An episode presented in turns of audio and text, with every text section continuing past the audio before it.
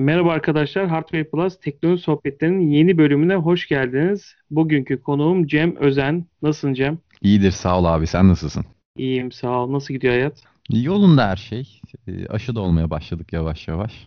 Umarım Evet çok şükür. birkaç aya evet toplumun çoğu olur insanlarımızın. Yavaş yavaş eski günlerimize döneriz. En azından şu pazarlarımızı bize geri versinler artık. Onu istiyorum ben. Değil mi? Evet. Yapacak çok şey var. Daha yaşımız da genç. Kısılıp kaldık evde. Evet evet şu sancılı süreci hızlıca atlatırız inşallah. Cem bugün seninle geçen hafta lansmanı yapılan iOS 15 hakkında konuşalım. Olur. Sen beta'yı yüklemiştin. Kısaca böyle gözüne çarpan, böyle çok seni etkileyen sunumlarda var mı böyle yeni özellikler geldi mi? Bir de sen beta kullanıcısıydın. Onları da kısaca böyle bize anlatıp deneyimleme şansın oldu. Onları da bize aktarabilirsen çok sevinirim. Tabii. Ee, şimdi iOS 15 abi genel beta'ya henüz çıkmadı. Geliştirici betasında e, yani ilk sürüm e, şu an sunulan birçok hata barındırıyor bünyesinde. Bunu göze alarak geçtim. Bunu göze alarak geçerken de tabii bir yedek aldım öncesinde. Önce bunu belirteyim. E, belki kullanmak isteyen, deneyimlemek isteyen olur. Kesinlikle bir bilgisayara bir yere yedeğinizi alın. E, Çünkü geri dönmek, e, Apple'da beta'ya girmek çok kolaydır her zaman.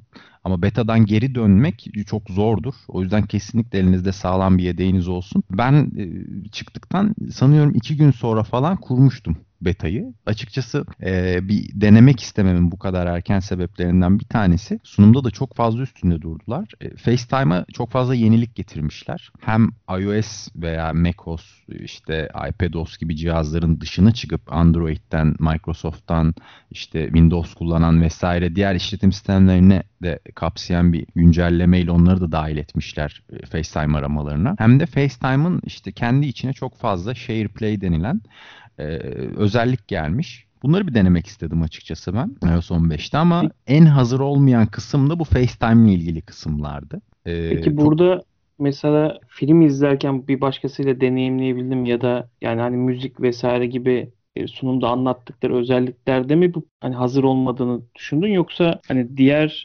Android kullanıcılarıyla Windows Hı hı. kullanıcılarıyla olan bağlantılarda mı sorun yaşadın? Şöyle ki e, şimdi zaten bu SharePlay denemek için karşı tarafta da iOS 15'in betasını yüklemiş birine ihtiyacınız var. Açıkçası bu kısımda farklı beta kullanıcısı çevremde olmadığı için e, hani bu işi bilmeyen insanlara da tarif edip bir şekilde yaptırıp daha sonra betadan çıkamamalarını göze alamadığım için e, bu SharePlay kısımlarını çok deneyemedim. Ama öyle bir imkana sahip olsam da çok düzgün çalışacağını düşünmüyorum. Neden? E, Çünkü çok basit işlevleri bile FaceTime şu anda iOS 15'te yapamıyor. Ne gibi işlemleri yapamıyor? Mesela farklı kullanıcılara e, işte Android olsun, başka cihazlar olsun link paylaşarak e, işte Skype'tan, Zoom'dan vesaire yaptığımız gibi günümüzde FaceTime aramalarını denedim.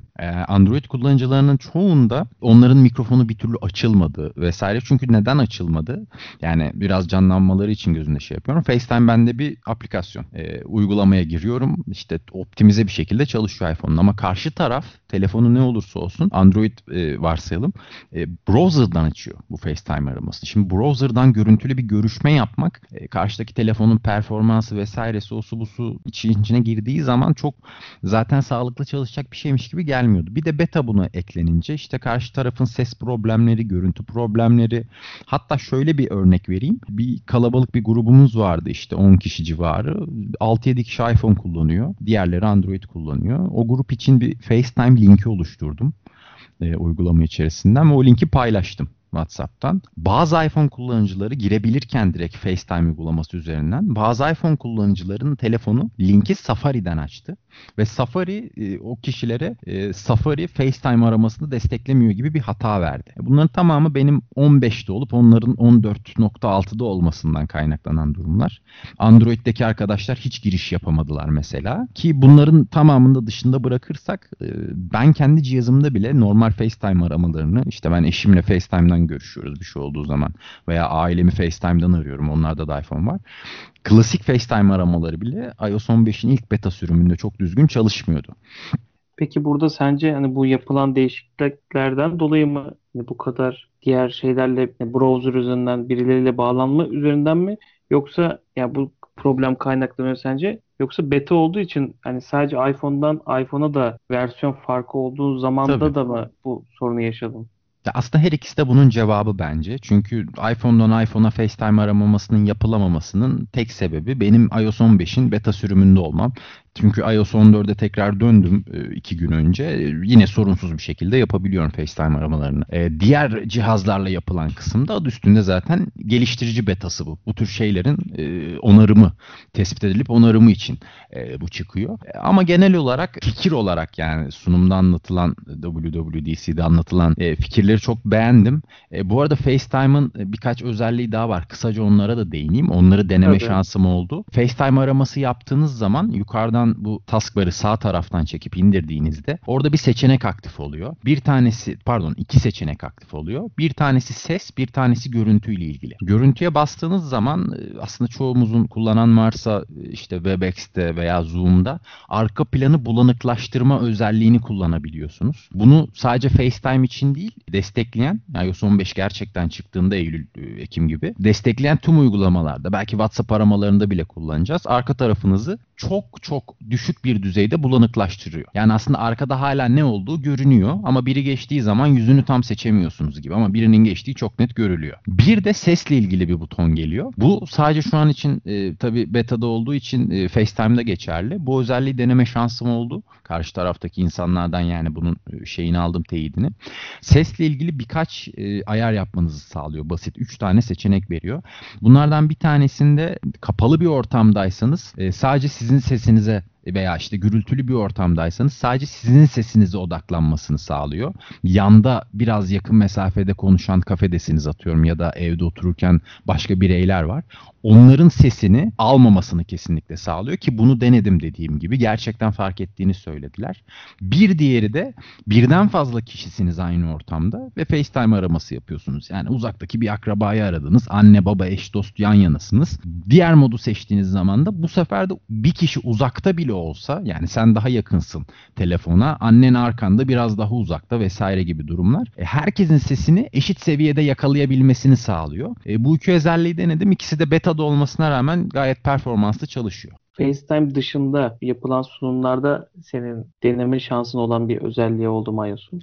Ee, şeyi çok sunumda abi göstermişlerdi. Bu odaklanma araçları diye bir şey çıkarttılar. Ee, eskiden e, işte sadece o bir ay simgesiyle bir rahatsız etme modu vardı. Ee, genelde ben onu otomatik programlıyordum zaten. İşte yatma saatim gece bir atıyorum. Ee, bire çeyrek kala başlıyordu. Sabah uyanacağım saate kadar telefonun bildirimlerinde telefon titremiyordu bile. Burayı çok çeşitlendirmişler. Nasıl çeşitlendirmişler? Uyku, rahatsız etme, iş ve kişisel olarak bir e, şey e, hazır kalıplar koymuşlar. Siz bunları arttırabiliyorsunuz. Yani spor için ayrı bir şey planlayabiliyorsun. Bunun detayları nasıl dersen spor üzerinden örnek vereyim ben. İşte diyorsun ki ben buna bastığım zaman sporun rahatsız etme tuşuna bastığım zaman işte sağlık uygulamaları arka planda sürekli çalışsınlar. İşte Apple Watch kullanıyorsam Apple Watch'ta e, işte bana sorsun e, bu koşumu yapıyorsun ne yapacaksın ben oradan işaretleyeyim bunu e, aynı zamanda işte beni sadece eşim aradığı zaman telefonum çalsın. Eşim mesaj attığı zaman telefonum çalsın.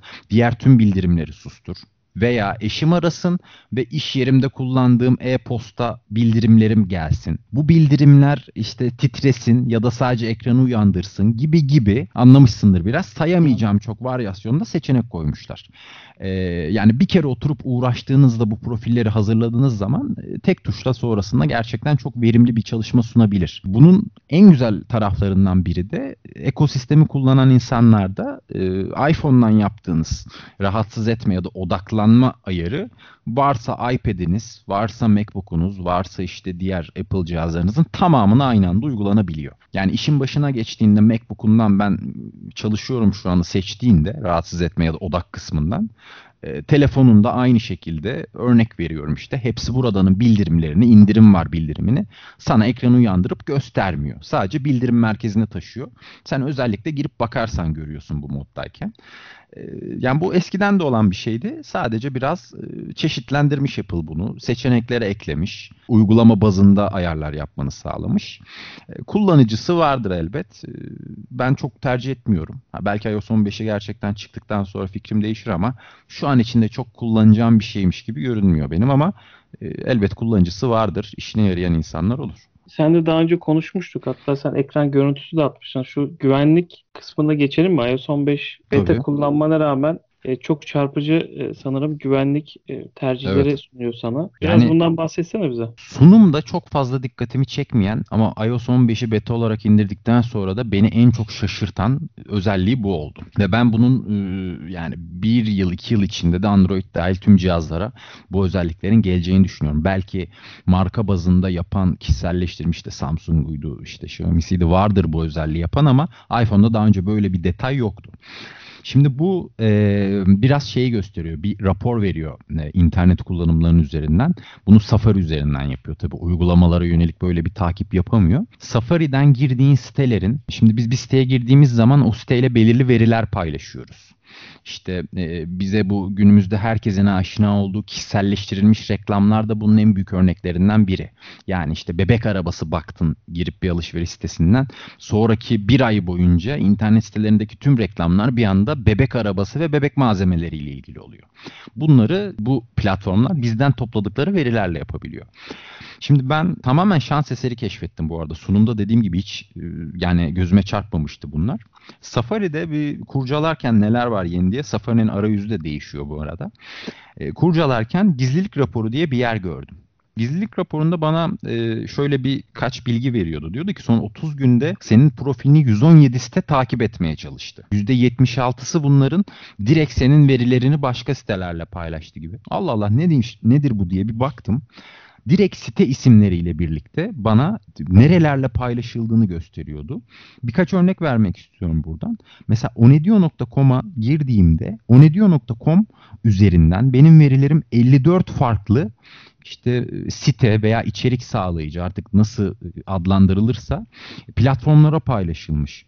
Bu paylaşılan platformların çoğu Google'ın hizmetleri ama işte Verizon Media denilen e, ya da ne bileyim işte çok farklı farklı böyle reklam ajanslarına internet ortamında çalışan faaliyet gösteren reklam şirketlerine e, veri gitmiş ben onedio.com'a girdiğimde. Bunları site bazlı gösterebiliyor. Yani onedio.com'a girdiğinde 54 tane işte atıyorum e, X siteye girdiğinde şu kadar siteye gitmiş gibi sayılar gösterebiliyor. Bir de bu raporun şu halini verebiliyor sana. Bu benden bilgileri alan sitelerden işte atıyorum en büyüğü benim kullanımıma göre Google Analytics.com almış. Baktığım zaman Google Analytics.com 54 farklı alan adına sahip. Yani işte bu Onedio olabilir, işte alışveriş siteleri olabilir, haber siteleri olabilir. 54 tane farklı siteden toplam benim verime erişmiş. Bunu hani içeriklerine kim aldı görüyorsun. Kimin ne kadar aldığını bir, bir rapor halinde daha sunabiliyor sana. Yani Google seni takip ediyor söylüyor. Ne kadar takip ettiğini, hangi siteler üzerinden takip ettiğini ayrı bir rapor olarak veriyor. Bunlar beni çok şaşırttı açıkçası. Yani elbette verilerimizi bugün birileriyle paylaştığımızı bir şekilde internet kullanımlarımızda biliyorduk ama e, hep o ne diyor örneğinden gidiyorum. Tamamen şans eseri gördüğüm için öyle. Daha fazla olan siteler de vardır. Ben o ne diyor.com'a girdiğimde 54 farklı siteye verimin gittiğini gerçekten düşünmüyordum. Yani sayının bu kadar fazla olduğunu düşünüyordum. İnsan şöyle düşünüyor. 3-5 siteye belki paylaşıyordur diye düşünüyor ama Tabii. 54 gerçekten ciddi bir rakam. Peki bu raporu sen hani şans eseri buldum diyorsun ya. Hı hı. E, bu, bu hani yeniliklerde yani kullanıcıya böyle rapor olarak şuna da bir göz atmak ister misin şeklinde mi senin önüne düştü de fark ettin yoksa sen tamamen e, dolaşıp Şöyle mi buldun? çok gizli bir yere koymamışlar. Ee, Yani tarayıcıya kullandığımız tarayıcıda nasıl yani bilgisayarda falan Google Chrome'un seçenekleri vardır 3 nokta halinde. hı. Telefonda da benzer bir yerde. Oraya bastığında direkt çıkıyor karşına. Ama benim çok dikkatimi çeken bir kısım değildi. Yani çok böyle bulması zor bir yer değil. Muhtemelen iOS 15'i indirdikten sonra e, yayınlandığında tam insanlar kolayca bu kısmı bulabilecekler. Ama benim karşıma bak böyle bir durum var. e, Bunlara biraz göz at diye bir işte bildirimle veya yönlendirmeyle çıkmadı karşıma e, Apple. Ama ben bunun gerçekten çok gerekli olduğunu düşünüyorum. Bu arada şöyle bir detay da var. Onu da söylemeyi unuttum. Safari bunları engelleyeceğini de söylüyor. E, bu kadar çok beni şaşırtınca özellik sunuma tekrar gittim, izledim. E, Apple aslında hepimizin bildiği VPN sistemiyle bunu engelleyeceğini de söylüyor. Yani sen o ne diyor.com'a gitmeden önce Apple'ın kendi sunucusuna gideceksin. Apple'ın sunucusundan onedio.com'a gireceğim ve bu verilerin hiçbirine onedio.com erişememiş olacak ama işte burada dinleyen arkadaşlar şeyi söyleyebilir bu sefer. E kardeşim tüm veriyi de bu sefer Apple'la paylaşmış olduk diyebilir. Yani bunu e, çoğu işte teknolojinin içinde olan insan konuşuyor. Bir yere verilerini vermek zorundasın bugün bu hizmetleri kullanabilmek için burada biraz e, tercihe kalmış durumda. Benim kişisel tercihim illaki bir yere gidecekse bu veri Apple'da kalması yanın yani Apple'da kalması yönünde olacaktır. E, çünkü o 54 tane sitenin içinde şu an yani isimlerini telaffuz edemiyorum. Muhtemelen Çin menşeli siteler. E, çok çok farklı hiç görmediğim yerler var. Google'ı falan biliyoruz. Ee, evet e, çok büyük e, firma olduğu için ama hiç ismini ilk defa gördüğüm yerler var. E buralara gitmesindense Apple'da kalmasını ben biraz daha tercih ederim. Orada zaten bu muhtemelen para konuş yani. Bu kadar verinin farklı noktaya dağılabilmesi için de Tabii. bir şekilde e, bu firmalar bütçe ayırıyorlar. Peki burada şeyi soracağım sana Cem. Yani bun, bunları paylaşıyor Apple sana ama örnek veriyorum içinden şunlarla yani şu şu şu şunları tamamen kısıtla gibi bir seçenek var mı yoksa sadece rapor olarak mı sunuyor? Ya da ee, örnek o ne diyor? E, tamamen mi hani paylaşmasını engelliyor Apple. Oradaki ayrımı sen yap yani Google'la paylaş ama şunlarla paylaşma gibi seçeneğin sana sunuyor mu acaba? Şu an için öyle bir seçenek göremedim ben. Dediğim gibi tamamını engelleme vaadiyle geliyor Apple burada. O da henüz ben kullanırken ya ben bulamadım ya da yoktu. Ee, bunu aç aktif et gibisinden. Ee, sadece işte bunun e, sayısal raporlarını gösteriyordu.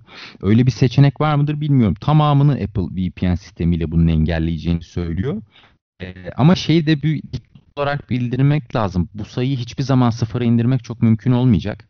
Neden mümkün olmayacak? Çünkü e, hepimiz bir arama yapıyoruz. Aramayla direkt sitelere erişiyoruz. Ben son birkaç yıldır hiç işte bu www.bilmemne.com şeklinde bir site adresi girdiğimi hatırlamıyorum. Sitenin ismini girdiğinde Google'dan ilk sıradan açıyorsun genelde. E, bu Google'a veri paylaşmak anlamına geliyor. Yani bu sayıyı hiçbir zaman sıfırlayamayacağız ama Apple'ın vaadi de zaten sıfırlamak değil. Bunu belli yüzdelerle engellemek kendi VPN sistemi üzerinden. Ee, şu an için beta'da dediğim gibi ben bunu aktif etmeyi başaramadım. Yani beni koru Apple diyemedim bu konuda.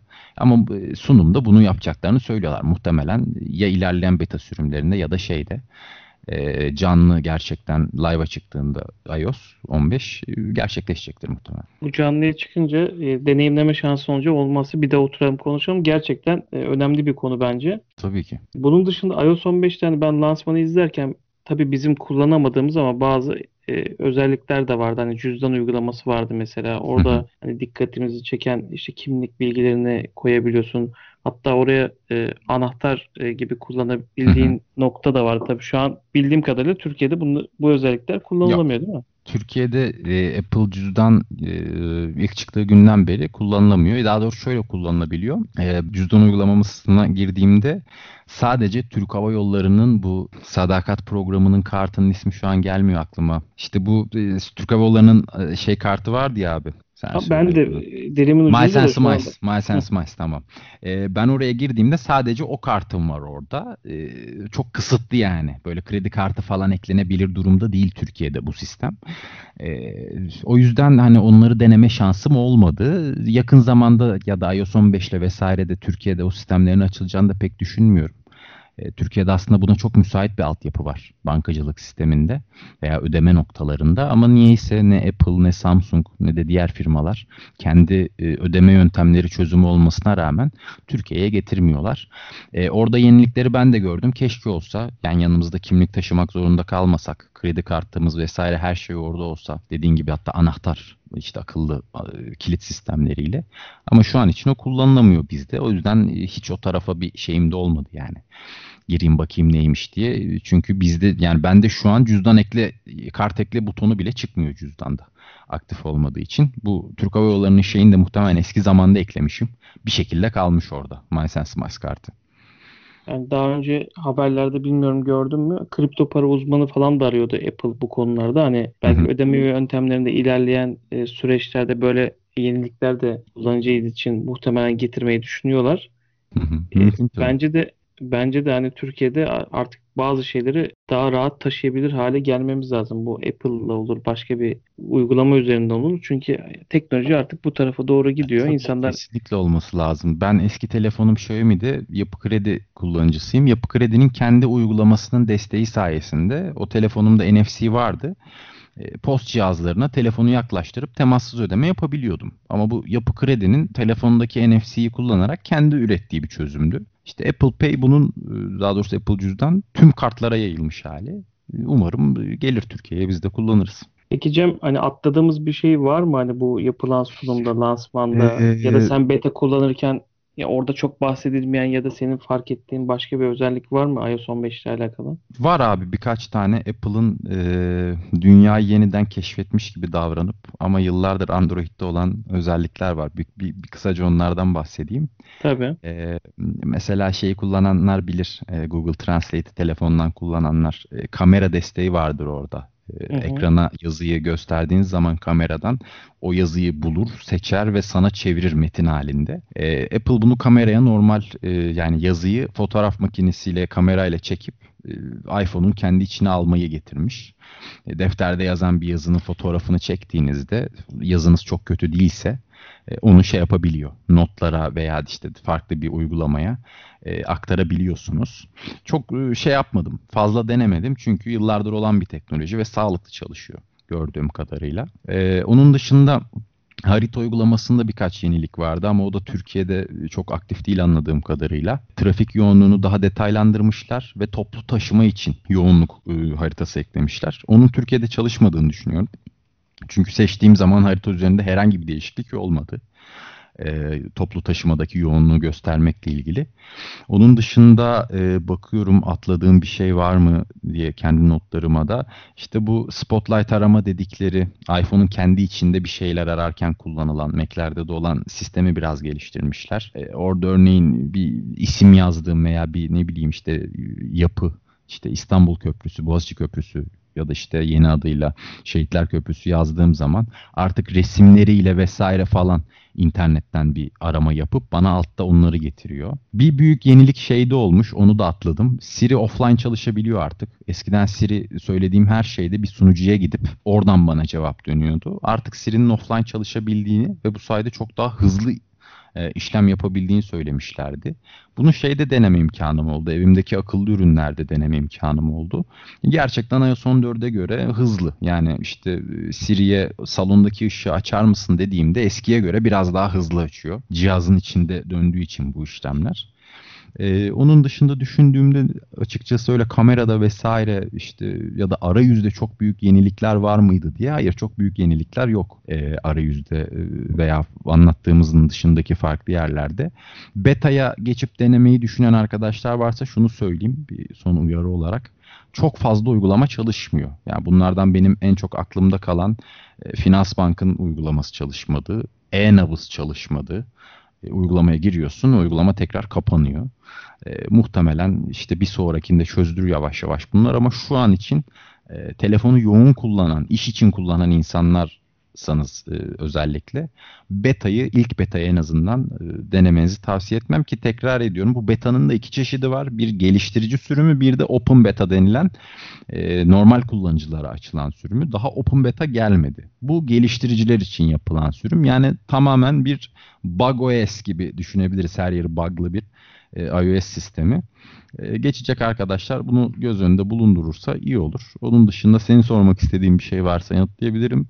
Benim kendi notlarımdan da baktığım kadarıyla tüm deneyimlerim böyle. Son sözlerinden anladığım kadarıyla sen beta değilsin şu an. Hani geriye Yok ben betadan çıktım konusunda tekrar. bu kadar uyarıda bulunduğuna göre tekrar eski sürüme geri döndün. Abi eskiye dönmek bu arada gerçekten kolay bir iş değil. Yani bilgisayardaki yedeğim iOS 14 üzerinden alındığı için e, iOS 15'ten tekrar telefonu restore edip geriye dönmeye çalıştığımda iki veya üç kez denemek zorunda kaldım farklı şeyler yaparak. E, yani bilen insanların dahi zor yaptığı ve verilerinin gitme riskinin olduğu bir durum. E, çok böyle anlamayan insanların en azından open beta'yı beklemesini ben tavsiye ederim. E, dediğim gibi beta'ya katılmak Apple'da çok kolay. Hemen bir profil indiriyorsunuz, kabul et diyorsunuz ve, ve telefonun güncelleme kısmına girdiğinizde güncelleme gelmiş oluyor. Ama çıkarken çok uğraştırıyor. E, denemek isteyen arkadaşlar varsa biraz daha sabretsinler. E, tahminimce birkaç aya Open Beta açılır. En azından orada daha stabil bir sürümü oluyor. E, geri dönmesi de daha kolay oluyor. Orada deneyimleyebilirler. Teşekkürler canım. Çok güzel özetledin. Hem de e, hiç yani lansmanda tabii her türlü lansmanda öyledir ama Apple'da biraz daha böyle ballandırılarak anlatılıyor bazı özellikler. Bunu sen hani birebir betada yaşadığın, bize yaşadığın sıkıntılarla beraber artısı eksisi neyse e, önümüze resmi koydun. Hatta şu güvenlik konusunda çok şaşırtıcı bilgiler verdin. Hani bir sitenin 54 farklı yere verilerini gö- göndermesi de gerçekten hani bu podcast'te en çok aklımda kalan, beni soru işaretinde bırakan şey oldu. Çok teşekkür ederim verdiğin değerli Rica ederim. bilgiler için. Rica ederim. Bir başka Hardware Plus teknoloji sohbetlerinde görüşmek üzere. Hoşçakalın. Hoşçakalın.